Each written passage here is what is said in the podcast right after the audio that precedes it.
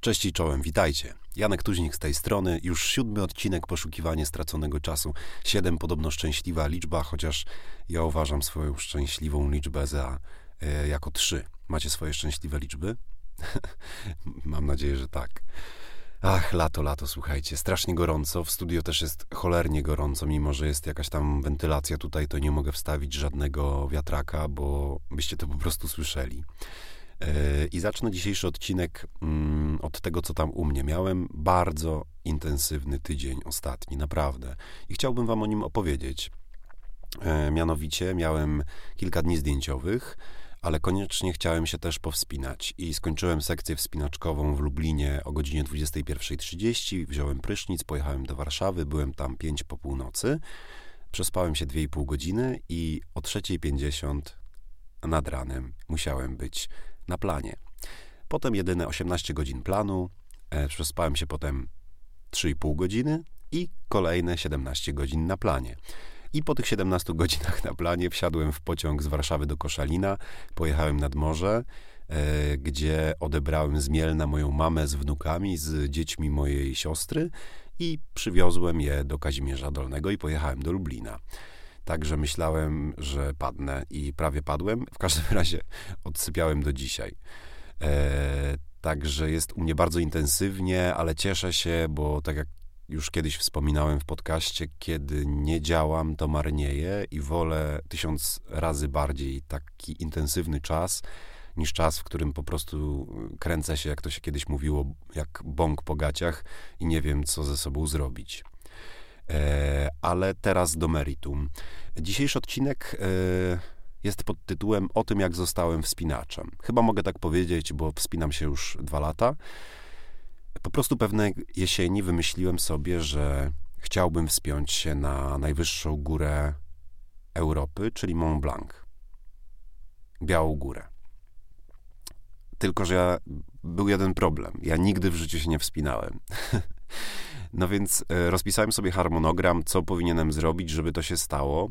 Oczywiście e, warto też podkreślić, że ja chciałbym wejść na ten Mont Blanc sam, ewentualnie z kolegą, koleżanką, e, bez przewodnika, bo jeżeli chodzi o wycieczki z przewodnikiem, to mógłbym z moją obecną kondycją pojechać jutro i wejść na to Mont Blanc, tylko wydaje mi się to takie niepełne. Ja chciałbym być przygotowany, posiąść umiejętności, które pozwolą mi na bezpieczne wejście na najwyższy szczyt Europy.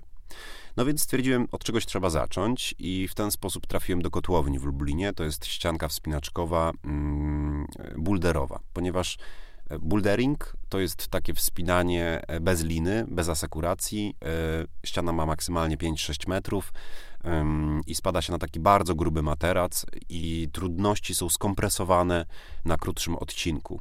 Bardzo często się mówi, że bouldering jest troszkę bardziej siłowy niż, niż wspinanie z liną, e, bo rzeczywiście czasem tak jest, bo droga boulderowa czasami polega na przykład na trzech, czterech ruchach.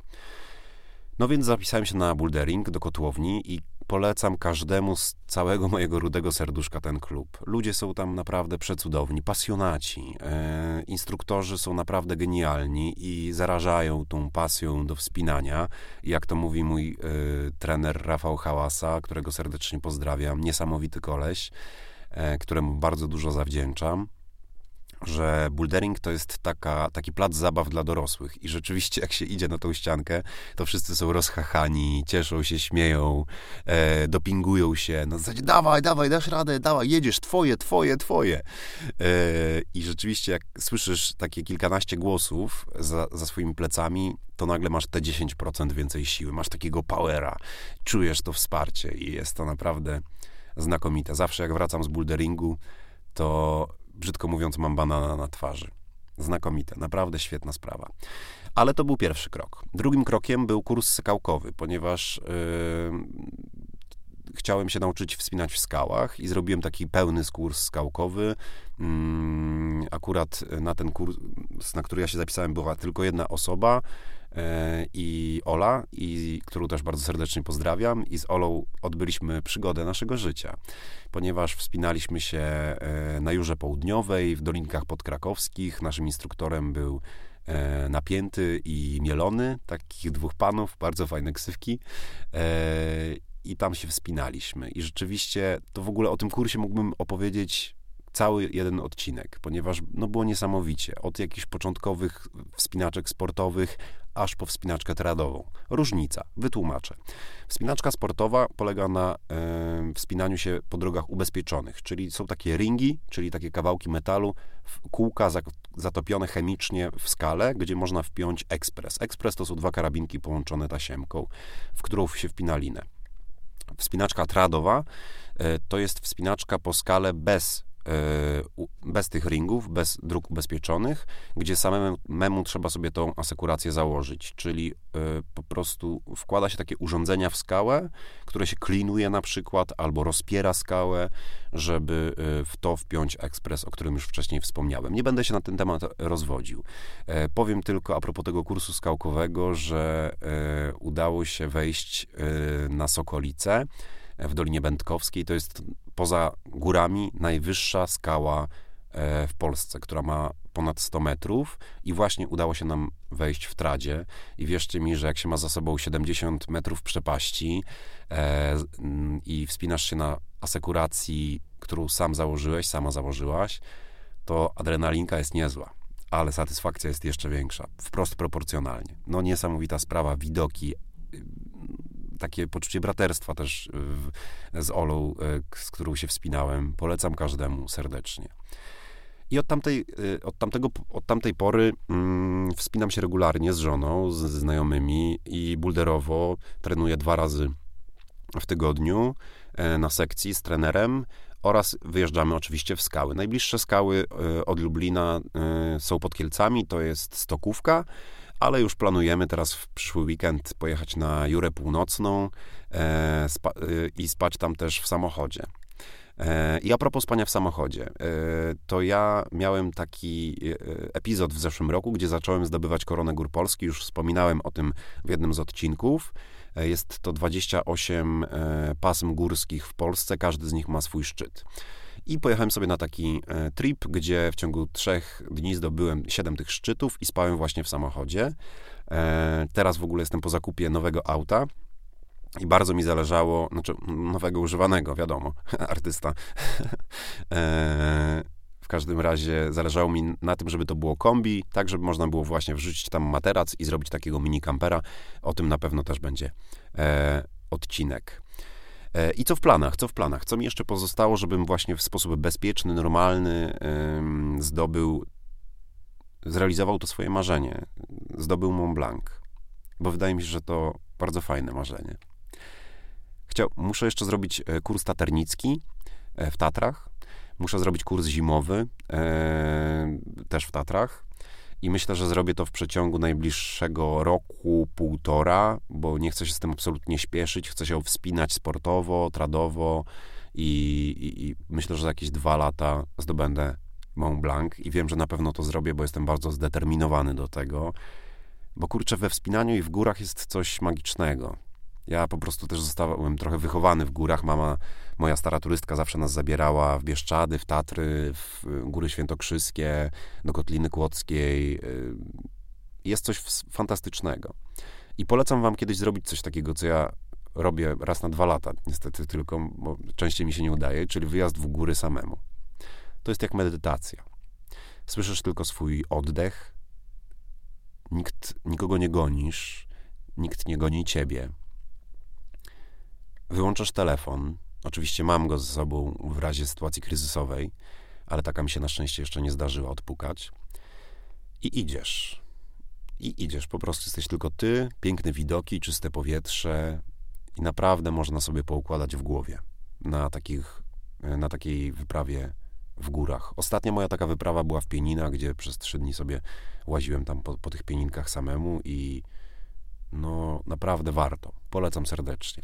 Co do wspinaczki, to też uważam, że to jest taki rodzaj medytacji, ponieważ cholera bardzo warto szukać w dzisiejszych zwłaszcza czasach smartfonów, telewizorów, y, Netflixa, tego przenoszenia życia do, do, do, do internetu, takich e, sytuacji, w których jesteś totalnie, totalnie e, skupiony na tej rzeczy, którą właśnie robisz.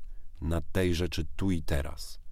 Takiej, że nie istnieje nic poza kolejnym ruchem, nie istnieje nic poza kolejnym krokiem. Musisz się na tym skupić. Jeżeli się na tym nie skupisz, to odpadasz po prostu i koniec. I lecisz na materac albo jak ktoś cię wyłapuje z liny. E, także polecam wam znalezienie takiej właśnie czynności dla siebie. Dla mnie jest to wspinaczka, dla mnie są to góry. E, a z bardziej przyziemnych rzeczy to jest też koszenie trawy, gdzie jest to powtarzalna, e, ciężka fizyczna praca, ciężka, jeżeli masz dużo do skoszenia, tak jak ja zwykle mam e, u rodziców na wsi. Słyszysz swój oddech i nagle pojawiają się myśli, które nie są zaburzone niczym z zewnątrz. Wysiłek fizyczny, oddech, jak medytacja. Polecam serdecznie. Odnajdź swój, tak, swoją taką rzecz i zobaczysz, jakie to jest przyjemne i jakie daje to ukojenie. Jak pozwali, pozwala zwolnić, pozwala zrozumieć pewne rzeczy, których zrozumieć nie możemy w biegu, ze smartfonem w ręku. E, biegnąc z pracy do domu, żeby wrzucić się w wir kolejnego serialu. Także polecam serdecznie. No i mam oczywiście dla Was y, cytat z Prusta. Y, to już taka mała tradycja się stała. Szukam, możecie słyszeć o strony. Mam nadzieję, że będzie słychać, jak szukam. Oto i on. Ten właśnie cytat z Marcela Prusta. Jak to? Zachwycać się tym? Doprawdy to ładne co to właściwie znaczy? Czy jeden człowiek nie jest równy drugiemu? Co to może stanowić za różnicę, czy ktoś jest księciem, czy woźnicą, jeżeli ma rozum i charakter? Ładny miał system wychowywania dzieci pański Saint-Simon, jeżeli im nie kazał podawać ręki każdemu porządnemu człowiekowi. Ależ to po prostu straszne. pomyślałem, że wybiorę taki cytat w kontekście kontekście tego, że właśnie jesteśmy po wyborach. Kiedy to nagrywam, wczoraj głosowałem. Mam nadzieję, że wy wszyscy też głosowaliście. Mm, I frekwencja świadczy o tym, że dużo osób zagłosowało i bardzo się z tego cieszę. E, absolutnie nie agitując za żadnym z kandydatów, bo to nie jest moja. O, mój pies właśnie zaczął drapać y, w dywan. Tak, szyba. także chciała się włączyć do podcastu. E, nie agituję za żadnym z kandydatów, bo to nie o to chodzi. Chodzi o to, że ważne jest to, żeby czynnie korzystać z, tego, z tej możliwości e, demokratycznych wyborów. To jest ważne. A jeżeli nie chcesz korzystać z tego wyboru, to na Boga, człowieku dobry, to nie narzekaj później. Jeżeli podjąłeś decyzję, że nie chcesz, głosować, nie chcesz wybierać, nie chcesz brać też na siebie odpowiedzialności, to nie narzekaj. I tylko tyle. To jest moja jedyna prośba.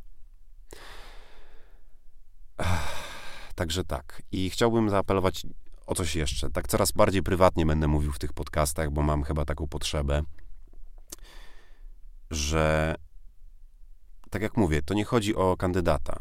Ważne dla mnie jest to, żebyśmy niezależnie od tego, na kogo głosujemy, głosujemy, postrzegali się jako równi ludzie.